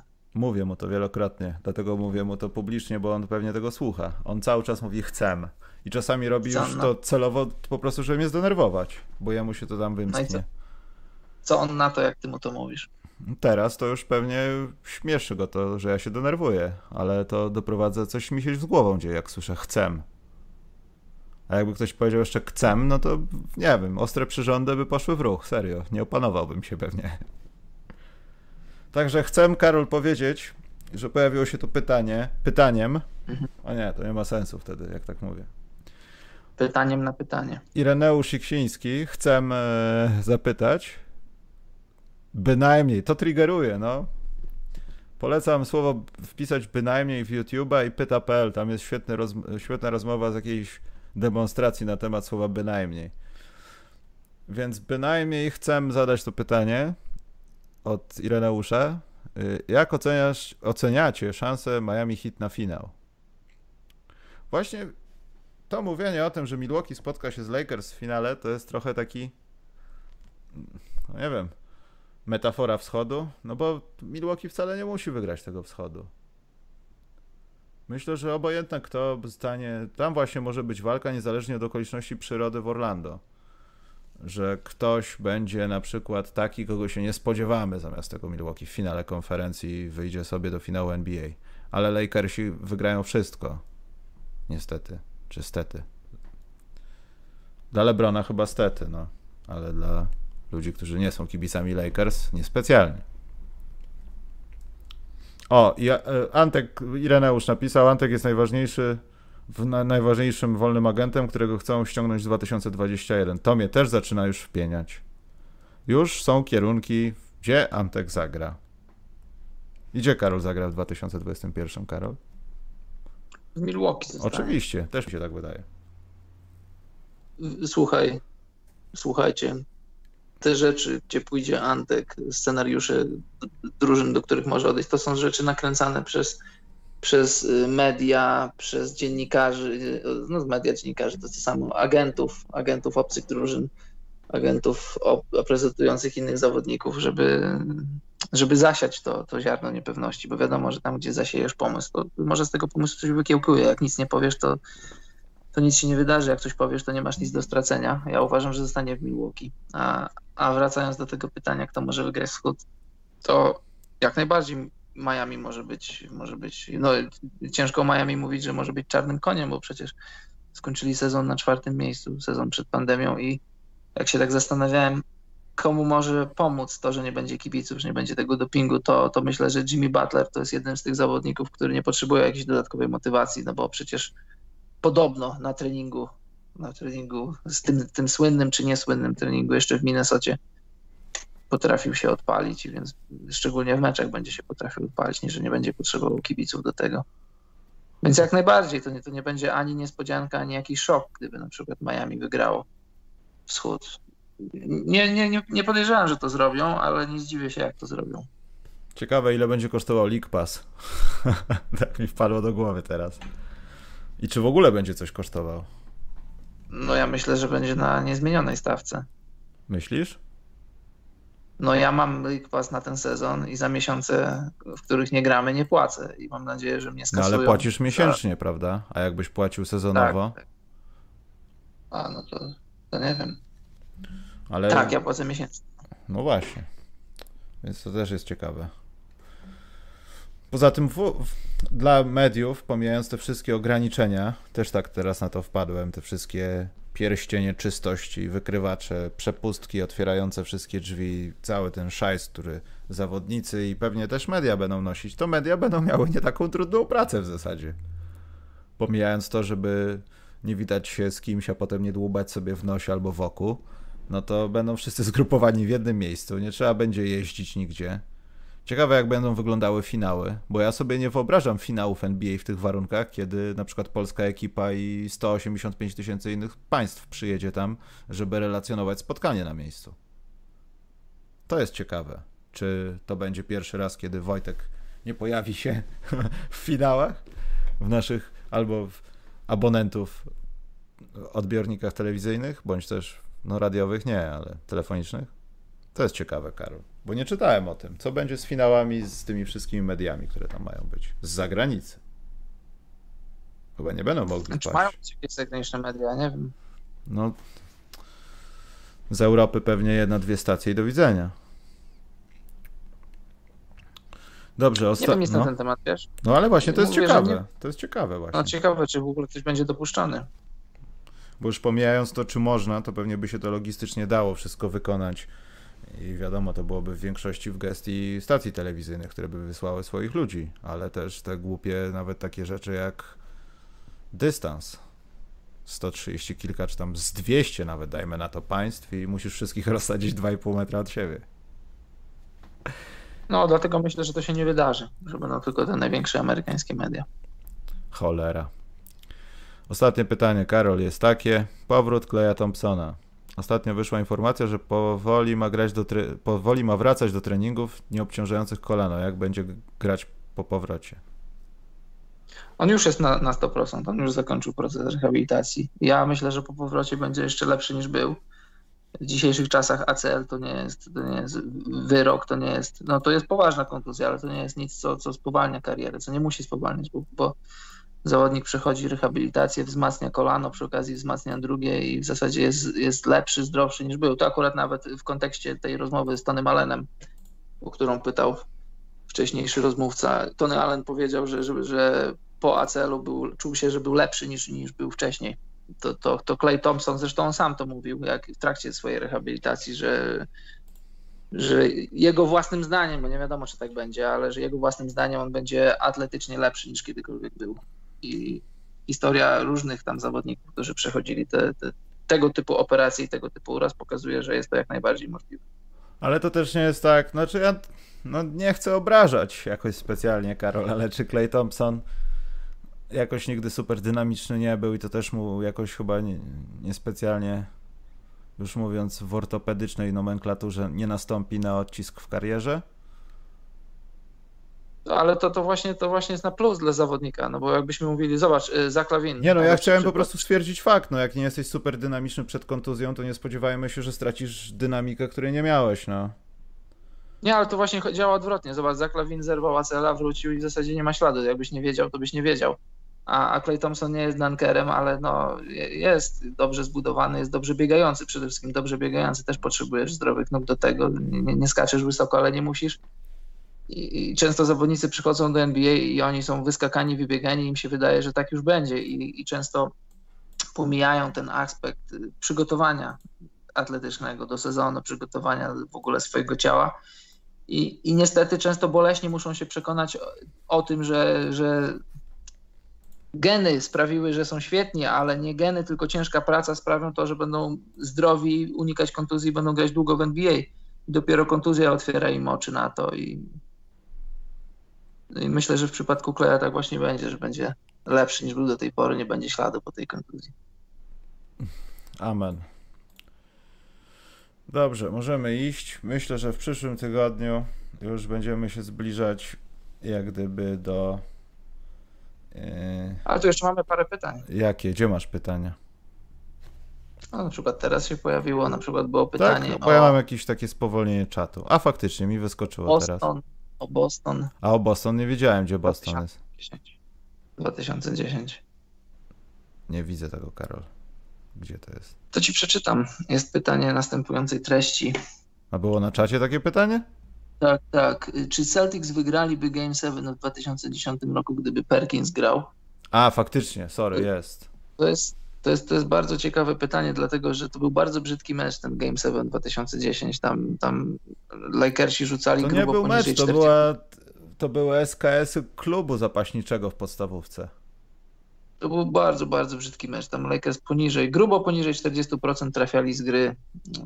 Boston trochę więcej, ale też słabo. Tam w ogóle Lakersi mieli ponad 50 zbiórek w tym meczu, w tym ponad 20 w ataku, jak pamiętam, a, a Boston z kolei miał ze 40 zbiórek. I, i wiesz, yy, to był, to, to był wynik dwa, na dwa posiadania, 83-79. I gdyby był Perk, to wydaje mi się, że no trochę z tych 20 zbiórek w ataku Lakers, pewnie Lakersi by mieli trochę mniej. Ile by to się przełożyło na, na punkty drugiej szansy, to, to teraz nie mam przed oczami statystyki, nie pamiętam ile Lakers rzucili punktów drugiej szansy, ale były takie sekwencje, gdzie zbierali po 3-4 piłki kolejne i coś tam z tego było. I czy by wygrali? No na pewno byłoby im bliżej, szczególnie w obronie, a to był taki mecz, to, był, to było takie klasyczne zażynanie świni. To tam, tam, tam nie brakowało super strzelców, tylko tam brakowało takiego właśnie gościa jak Perk, zdrowy Perk, który by trochę przystopował Gasola, Bajnama. Ale to nie było tak w tym meczu, że Boston chyba miał tylko pierwszą kwartę i coś tam robił w drugiej, ale tak naprawdę przegrał trzy następne? Nie, to, teraz już nie pamiętam, ale Bo wiem, mi się że... wydaje, że właśnie w tej pierwszej kwarcie, z tego co pamiętam, w tym meczu było tak, że Boston po prostu zaczął mocno i prowadzili chyba z dziesiątką czy coś takiego. Tak było. A było potem tak. nagle się okazało, że Lakersi odpowiadają i coraz bardziej zaczęła się przynajmniej w pierwszej połowie kurczyć ta przewaga. Bo wygrali drugą kwartę chyba i jakoś tam niewiele, coś pod koniec rzucane było nawet, nie pamiętam tego dokładnie. Więc faktycznie może tak być, że gdyby był ktokolwiek, kto potrafił. Bo kto wtedy wyszedł, jak gdyby na piątce, jak gdyby w Bostonie? Nie Wallace? Rashid Wallace, tak. No właśnie. Nie No pamiętam, wiesz, tego się nigdy minut. nie dowiemy. Możemy, tak, nie dowiemy się tego nigdy, możemy jedynie spekulować. No na pewno, na pewno w takim meczu, szczególnie w takim meczu z takim rywalem, Perkins by się przydał, zdrowy Perkins by się przydał. Yy, Gasol miał 18 zbiórek w tamtym meczu. Kobe, sam Kobe Bryant miał 15 zbiórek. On można powiedzieć, że jak tam wiesz, no przyrównujesz go, czy znajdujesz mu miejsce w historii, no to Jordan swoje tytuły wygrał, a, a ten, bo to był tak, to był ostatni, ostatni tytuł Lakersów, znaczy ostatni tytuł Kobiego i można powiedzieć, że w zasadzie ten, ten piąty tytuł on sobie wydarł, wyrwał po, po brzydkim meczu, to nie był jakiś piękny rzut jak, jak Jordana z Utah i, no, i tam brakowało silnego ciała. To nie musiało być jakieś Poza tam... tym to tam pod koniec meczu też było widać, ja nie pamiętam jaki był dokładnie problem fauli, ale ten moment taki był, że chyba minuta do końca Rashid Wallet trafia trójkę, jest minus 3, znaczy minus 3 przegrywa Boston, tam chyba pada następna trójka, już nie pamiętam kto rzucał i potem jest Rondo taki... rzucił w końcówce, bo to, bo to Ale trochę... nie, mówię, że w odpowiedzi, wiesz, w następnym posiadaniu jak gdyby. Ale to już nie pamiętam. I potem faktycznie ktoś tam jeszcze za trzy punkty rzucił. Potem był Rondo, ale tam była taka zmiana, że Rashid Wallace szedł z boiska, bo chyba faulował Kobiego i zamienił go Glenn Davis. I to się chyba wtedy zaczęło. Że, znaczy zaczęło. Tam i tak zostało, nie wiem, 40 sekund do końca spotkania, ale już było widać, że wiesz, Glenn Davis raczej nie będzie jak pies ganiał za tą piłką, bo ktoś mu ją zabierze po drugiej stronie.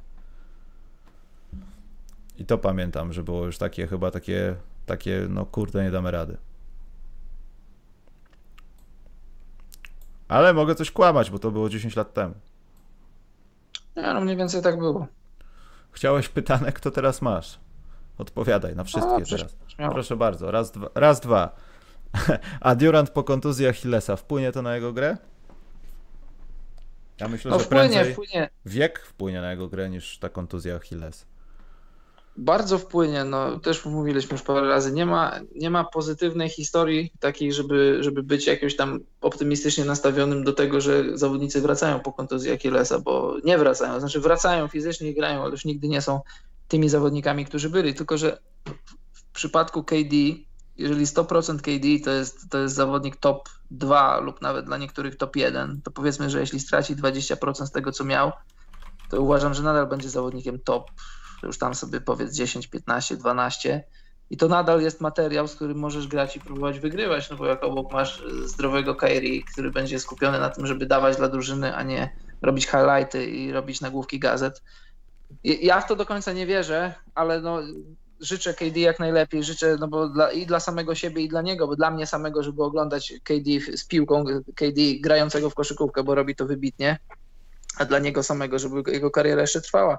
Tak ostatnio się nad tym zastanawiałem, że mm, gdyby szukać jakiegoś tam światełka w tunelu, to KD zerwał Achillesa prawej nogi, a jest zawodnikiem praworęcznym i wiesz, ten taki, naj, naj, twoja silniejsza noga, twoja noga wykroku to jest lewa noga, on się wybija z lewej. Może to jest jakieś światełko w tunelu, może to jest akurat, y, może to jest akurat coś, co sprawi, że, że aż tak bardzo nie odczuje, że straci mniej niż, niż zazwyczaj zawodnicy tracą. Nie wiem, zobaczymy. Życzę mu jak najlepiej i tak się ostatnio zastanawiałem, że może akurat to będzie, to będzie coś, że, że, że zerwał prawy Achilles, a nie lewy, a jest zawodnikiem praworęcznym, więc mocniejsza to jest jego lewa noga. Może, może. Dlatego mi się wydaje, że prędzej wiek może mu cokolwiek zrobić niż to. Bo to na pewno będzie szło w parze. Kevin Durant już nie jest dwa lata po drafcie. Pamiętajmy o tym. No nie jest, on już ma 3, lat 30 albo 31. No, a już y, swoje się połamał też. No tak, miał przecież poważną operację stopy. Co tam jeszcze miał? No w sumie aż tak wielkiej kontuzji nie miał, no ale stopa, stopa u wysokiego zawodnika to też nie jest nigdy nic dobrego. KD ma, KD ma, kurczę, KD ma już 31 lat, 29 września będzie miał 32, wow. O kurczę. Poczekaj, bo mamy gościa, którego chyba ktoś zatopił w, na Antarktydzie w bryle lodu. Tomeczek 74. nie, śmieję się. Kiedy Europejczyk zostanie MVP NBA, kto to będzie, panowie? No wiadomo kto. I ten gość już jest. No, jeśli to nie będzie Luka Doncic, to... To ja. No to może Jokic. No ja, przeżyje? No właśnie, widzisz, schudł i od razu dostał wirusa. Może dlatego schudł. Było nie... No na pewno. Dostał jakieś biegunki turbo, odwodniło go i potem się chwalił, że jest taki smukły, aż potem go wirus dopadł, bo wypłukał całą florę bakteryjną i wszystkie minerały z organizmu podczas właśnie tej akcji odwodnienia. Mm. Jego lekarz pierwszego kontaktu mi opowiadał. Yy, ten, TWTX ma dwa pytania, wybieram jedno, bo z Filadelfią ja już nie chcę. Poza tym chyba kiedyś odpowiadaliśmy na takie pytanie, ale tutaj jest pytanie, E, że jakbyśmy byli GM Warriors i masz, mamy możliwość wzięcia Lamelo Bola, bierzesz go i dopasowujesz do zespołu, wymieniasz, czy jeżeli masz pik 4+, plus, to tradujesz pik. Nie wiem, oni nie powinni w ogóle wybierać w drafcie, to trzeba wszystko oddać i brać jakiegoś dobrego zawodnika. Po prostu. Na cholerę Imon. W tym składzie przynajmniej. No ja też raczej nie brałbym Lamelo. Nic do niego nie mam, bo tam jest często obserwowany przez pryzmat rodziny Bolów i ojca Lawara, ale tak, tak czysto patrząc na jego skillset, to myślę, że może spokojnie się odnaleźć w NBA i być kimś. Nie mówię All-Starem, nie mówię Hall of Famerem, bo, no bo nie wiem, ale może być kimś w tej lidze. Ale z, z racji tego, jak gra, w jaki sposób gra, to ja bym do Warriors go nie brał, bo przecież Warriors chcą wrócić na, na, na drogę wygrywania tytułów to, to na tym etapie jego rozwoju też nie jest to. Spróbowałbym wybrać kogoś, kto faktycznie by im się przydał pod koszem, kogoś typu Draymond Green, podmiankę dla Draymonda Greena, no, wiesz, no ciężko znaleźć zawodnika, który jest wysoki, rozgrywa i broni trzech, czy czterech, czy pięciu nawet pozycji, no ale nie ja jestem scoutem Warriors, szukałbym kogoś w tym typie, a jeśli nie, to po prostu wymieniałbym piki i wybrał kogoś, kto może pomóc na teraz, tym bardziej, że że Steph ma swoje lata, Clay jest po kontuzji i to, to, to jest drużyna, która chce zdobywać tytuły w najbliższych tam powiedzmy 3-4 latach, a okno się powoli zamyka. No tak i też mi się wydaje, czy jeśli z dalszym pikiem by im się ktoś nie trafił, ja wiem, że myślenie, że, czy jak już, nie wiem, będzie 4, 5, 6, 7, to będzie tam na przykład, nie wiem, James Wiseman, i branie go i staranie się nim grać i z, zrobić coś z, z, niego, żeby pasował przez chwilę do tej drużyny, tą chwilę, o której mówiłeś, no, te 2-3 lata, to nie byłby lepszy pomysł niż na siłę szukania kogoś, kto by chciał ten pik, ale sam wie o tym, że ten pik nie do końca by się opłacał. Może to byłby ktoś, kto też nie do końca chciałby pomagać Warriors w powrocie do tego, co widzieliśmy kilka sezonów temu bo myślę, że też o tym myślą teamy, jakby ktoś lepszy tradeował na zachodzie. Wiecie co, nie chcemy im ułatwiać sprawy, a ten pik tak nas nie jara, bo ten draft chyba nikogo nie jara za specjalnie z przyczyn zdrowotnych, ale też chyba skillsetowych. No oczywiście, to pewnie będzie krótka piłka, kilka telefonów do kilku drużyn, y, zawodników y, o charakterystyce, która pasowałaby do Warriors. Zdaniem Warriors biorą, biorą, nie biorą, to nie, to wybierzemy na przykład takiego Weissmana, jak mówisz i, i, i wiesz, no ja bardzo Andrzeja Boguta lubię. Uważam, że jest e, jednym z bardziej niedocenionych zawodników w ostatnich latach. Jego w ogóle IQ, jego sposób, umiejętność podawania i znajdowania się na boisku. No ale fizycznie to, co robił Bogut, jesteś w stanie zastąpić takim Weissmanem. Wiadomo, że, że to ostatecznie może w playoffach, wiesz, być kulą u nogi, no ale przecież to, to, to nie od Weissmana będzie zależało być albo nie być Warriors w playoffach, tylko od Greena, Thompsona i Karego. Tak. Nie, bo się zaczytałem, Karol, bo tak zacząłem sobie wyobrażać. Pytanie jest odnośnie Treja w Atlancie, żeby tam walczył o jakieś realne cele. Czy Hawks doczekają się Treja prowadzącego ich do playoffów i czy, czy skończy się na jego odejściu? Ja mam, Karol, takie przemyślenie. Co? No. Nie, zanim powiesz jedno zdanie, zacznijmy od tego, niech Trey Young się weźmie w gaś i zacznie bronić, bo póki co to on sobie nabija statystyki, bo on wie, tak myślę, że on sobie zdaje sprawę z tego, że Atlanta w tym sezonie nie idzie i w tamtym sezonie idzie na playoffy, to sobie nastukać punktów. Niech ten człowiek y, zacznie bronić, bo, to, bo jak, jak mówimy, że Zaklawin nie broni, to to yy, Trey Young przy Zakulawinie to jest yy, albo odwrotnie, Zaklawin przy Trey Youngu to jest nie wiem kto, Kawhi w obronie. Więc on niech się skupi na bronieniu najpierw. A mi się tak wydaje, że Trey Young chyba, albo ktoś powinien, jeśli jeśli traktujemy go jako przyszłą jakąś super gwiazdę i kogoś, kogo może od lat nie mieliśmy w lidze, takiego małego, wiesz, Iversonowatego, rzucającego za trzy punkty z włosami pożyczonymi od cioci, no takiego kogoś. czy, czy albo on, może po prostu się tego nie da zrobić, no ale żeby ktoś podjął jakąś decyzję w końcu, czy Trey Young jest rzucającym małym gościem, który lutuje z każdego miejsca na boisku, czy zamienimy go w takiego Steve'a który bardziej wejdzie sobie w, po pick and rollu, w, pod kosz, poda komuś, będzie mniej rzucał, ale będzie zarządzał ruchem. Bo tak naprawdę nie jesteśmy pewni chyba, kim on jest.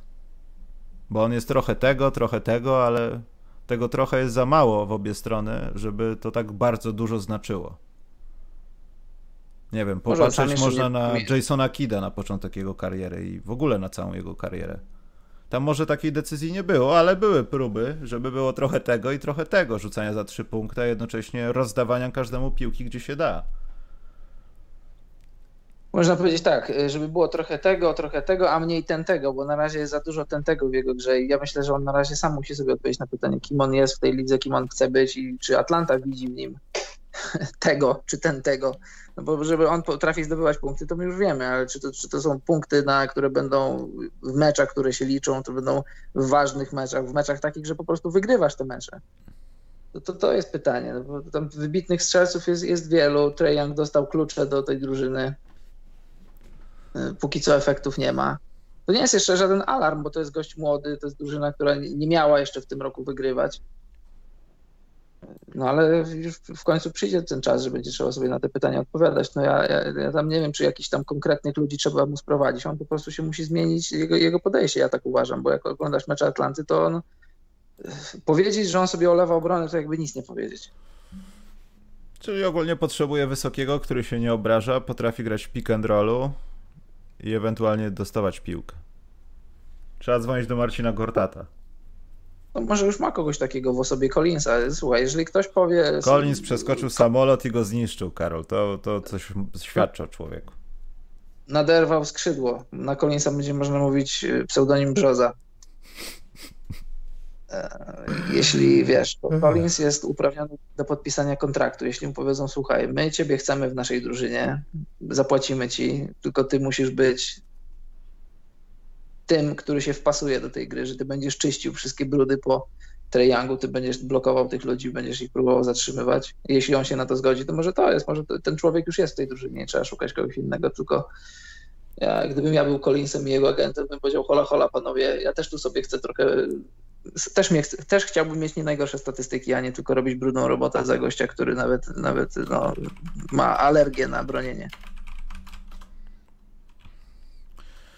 Dobrze, Karol, możemy iść. Tutaj się pojawia pytanie o Jasonie Kidzie jako trenerze Nowego Jorku. Ja nie wiem, czy ja potrafię to skomentować.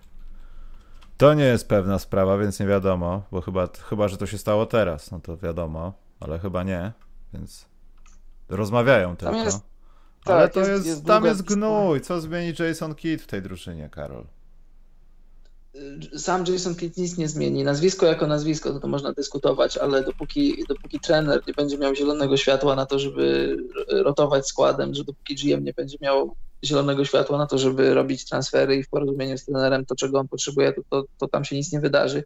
Jason Kidd niby, niby wiesz, taka trochę ha, ha, ha, śmieszna rzecz, bo to takie trochę Mike Woodson, jacyś tam mini Tom Thibodeau, który mamy rok, czy aha, to są Knicks, oni zawsze podejmują złe decyzje. No nie do końca, bo, bo w Milwaukee w pierwszych latach robił dobrą robotę, trochę później padł ofiarą takiej swojego, ja wiem, powiedziałbym takiego, no Jason Kidd tak, taki podobno jest, że że nie do końca zgadza się z, kryty z krytyką, że nie, nie, nie, za bardzo lubi słuchać jakichś tam doradców i jak ewidentnie było widać, że ten, ta formuła w Milwaukee zaczyna się wyczerpywać, to, to nie zrobił potrzebnych zmian, ale trzeba też pamiętać, że to on wymyślił, żeby, żeby Janis kozłował, żeby Janis grał wyżej.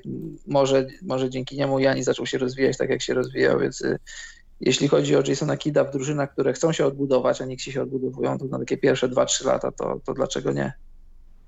Gorzej być nie może przecież. Oj nie, no może, nie no. Jeszcze nie, może być gorzej. No to do drugiej ligi nie spadną. To... No nie, no to tak, to jest, z tej perspektywy to nie może być. Dobrze, idziemy, Karol. Chyba, że znowu chcesz odpowiedzieć na jakieś pytania. Pytanie, które nie zostało jeszcze zadane. Na czasie wydaje mi się, że było jakieś pytanie y, o, o Bena Simonsa. Bardzo ciekawe pytanie od no właśnie... znanego nam wszystkim TWTX. Ale ono wyda, właśnie nie wydawało mi się ciekawe, bo już na nie odpowiedzieliśmy nie? kiedyś. A, to te, tematem Filadelfii też się zajmowaliśmy długo, bo tam tutaj TWTX pyta w nawiązaniu do tego, że pojawiły się zdjęcia przypakowanego Bena Simonsa, który zapewne ostro trenował. E, czytam pytanie, czy po cichu Sixers nie będą planowali zrobić z Bena bardziej power forwarda niż typowego e, point forwarda, jakim jest LeBron? Czy to może mieć wpływ na Embida? Jasne, że to może mieć wpływ na Embida. Podstawowa rzecz jest, że, że ja uważam, że nie musi, ale w tym układzie, w tym zestawieniu z Embidem, on, no, esencją ich gry powinno być to, że Ben Simmons oddaje rzuty i je trafia na jakimś tam poziomie. Bo to, że on ich w ogóle nie oddaje, to, to, to, jest, to są wakacje w Hiszpanii dla ludzi, którzy bronią Bena Simmonsa on musi to zrobić. No chyba, że w perspektywie jest jakiś, jakiś transfer, o którym nie wiem i albo Ben Simmons, albo no nie wiem, mówimy o Filadelfii, więc pewnie Embiid leci do jakiegoś klubu, a, a Filadelfia przechodzi w ręce Bena Simmonsa i wtedy obudowujemy go strzelcami. Już mówiłem parę razy, że chciałbym to zobaczyć i uważam, że to się może sprawdzić i to, się, to, może, mieć, to może mieć ręce i nogi. Nie mówię, że tytuł, ale to jakieś tam realne myślenie o tytule. Tylko nie rozumiem jednej rzeczy, dlaczego to Ben Simmons, znaczy inaczej, to dlaczego to Philadelphia miałaby kierować to, żeby go przepchnąć bo Joel Embiid, a nie po prostu, że Ben Simmons widzi luki w swojej grze i po prostu ma jakąś tego wizję, wie co chce osiągnąć i może sam chce to zrobić. Bo wiesz, dlaczego że to miałby dla niego Dlaczego miałby Embiid odchodzić, mówisz? Słucham? Y, czy mu, mu, pytasz, dlaczego miałby akurat to Embiid odchodzić? Nie, no bo z tego pytania zrozumiałem, że jak gdyby y, przesuwanie i robienie go na jakiejś pozycji oznacza to też no, niewątpliwie zmiany w jego ciele. Mm. Większe lub mniejsze, co za tym idzie oczywiście stylem gry. I też może się wydawać, że to Ben Simmons w ramach swojego progresu widzi przesunięcie się na takiej po pozycji, niezależnie od tego, czy będzie grał z Simmonsem, czy nie. Yy, przepraszam, z Embidem. To mm. bez znaczenia może być. Po prostu Ben Simmons widzi resztę NBA, widzi przede wszystkim LeBrona, widzi Kawaja, widział ich na pewno wcześniej i też nie jest jakoś za specjalnie głupi, żeby nie wyczuć tej takiej wątłej różnicy między kiedyś a dziś. Na pewno w przypadku Kawaja. Sam widziałem Kawaja, jak był w San Antonio, jak był w Berlinie. Teraz go z bliska nie widziałem w Clippers, ale to jest różnica dwójki ludzi zlepionych. A jednocześnie można powiedzieć, że niczego mu to nie zabrało. Przez to nie stał no, to się prawda. maksymalnie wolniejszy, przez to nie, gorzej nie kozłuje, przez to ręce mu nie idą do góry, bo jest tak przypakowany, że bicepsami trzeła uszy. Nie. Po prostu jest dwóch kałajów w stosunku do tego, co widziałem w Berlinie. I to dalej tak samo działa, jeszcze lepiej się rusza i funkcjonuje. Więc myślę, że Ben Simmons to widzi, no. I kto wie, czy to nie jest jego celot, nie, nie teraz, tylko już jakiegoś czasu, żeby doprowadzić do takiej sytuacji i się tak rozwinąć, po prostu. Jak jak przychodził do ligi, to przecież stracił cały debiutancki sezon, bo, bo, bo złamał kość w stopie. Co prawdopodobnie wydarzyło się, bo w zbyt krótkim czasie przybrał masy mięśniowej za dużo, więc pewnie to, to, to jest jego, jego docelowe marzenie już nie, nie, nie od teraz, nie od czasów pandemii, tylko od dawna, że chce być silny, dobrze zbudowany, co mu pomoże w grze, ale jeszcze bardziej w grze pomoże mu dobry rzut. No to od tego nie, powinien zacząć, pomijając wszystko. Tak, to nie, co nie musi kłócić się z tym, że będzie dobrze zbudowany. Tak myślę. No dobrze, to już w serio wyczerpaliśmy wszystko chyba i możemy no. iść. Dobrze. Kto jest najlepszym leworęcznym y, strzelcem w NBA? James Harden. Tak, James Harden. 60 dni do startu rozgrywek. Jak mhm. będzie 50 kilka, to pogadamy. Może jakiś power ranking zrobimy, Karol. Tylko to będzie bez sensu, bo się okaże potem, że znowu ktoś nie gra. Ale to będzie zabawne, bo będzie ktoś nie grał już i będzie wiadomo, że ktoś nie gra. Więc możemy coś takiego zrobić. Za no ciekawy jestem, jak, jak się to będzie lista powiększać tych, którzy nie zagrają i jakie będą powody. No podobno całe Chicago powiedziało, że nie zagra. Nie jadą do Orlando i, i koniec. To ci dopiero. Cleveland też powiedzieli, że nie jadą do Orlando, bo nie chcą. Nie chcą ryzykować. A Darius Garland podobno powiedział, że nie chce ryzykować no, swojej super kariery. Andre, Andre Drummond ostatnio na Instagramie wrzuca zdjęcia, które wyglądają jak zdjęcia z wakacji, na których pewnie jest. Więc... No bo jak gdyby jest. Bo jak gdyby, czy nie jak gdyby, faktycznie jest na wakacjach. No dobrze, no. I potwierdził, że na dłużej zostanie na tych wakacjach w Cleveland ostatnio. Tak, tak, no. Dobrze, słuchajcie, śledźcie Facebooka, bo tam wkleję niedługo oficjalny link do Discorda, którego nikt nie używa. Yy, potem będą różne inne rzeczy z tym SoundCloudem, też będę pisał o tym na Facebooku, bo serio może być przerwa kilkudniowa w dostawie najlepszych treści w internecie. Yy, także tego. Także jak gdyby idziemy z Karolem. Dziękuję bardzo za drugi historyczny program ze słuchaczami. Jesteśmy prawie jak Radio Maryja już, tylko jeszcze nikt nie przeklina ale będzie blisko, coś czuję w następnych programach. Także tyle. To jest tak jak Michelle Roberts zapytana, czy, czy, czy myśli, że będą zawodnicy z COVID-em. Ona powiedziała, że to jest nie pytanie czy, tylko kiedy i ile. To ja myślę, że u nas tak samo będzie. Czy ktoś będzie przyklinał, to jest kwestia czasu. Ale nie, no przenosiłem, przenosiłem to bardziej, wiesz, do trzech słów do ojca prowadzącego, że będą takie telefony. Tak, tak, pamiętam, wiesz, jasne, wiesz, wiesz, że no, takie... Wiesz, to... nie, nie obawiam się takich telefonów, jak się zdarzą, to się zdarzą, nie świadczą one o nas, tylko o dzwoniącym. Bardzo proszę, nie ma problemu. Tak, jak też myślimy dalej. Jak ktoś potrzebuje, ma taką potrzebę. Nie ma nic mądrzejszego do powiedzenia. Cały czas, Karol, czekam na twoje zdanie programu. No dobrze. Drodzy słuchacze, dziękujemy za dziś. Mamy nadzieję, że Wam się podobało i dobranoc, mili ludzie.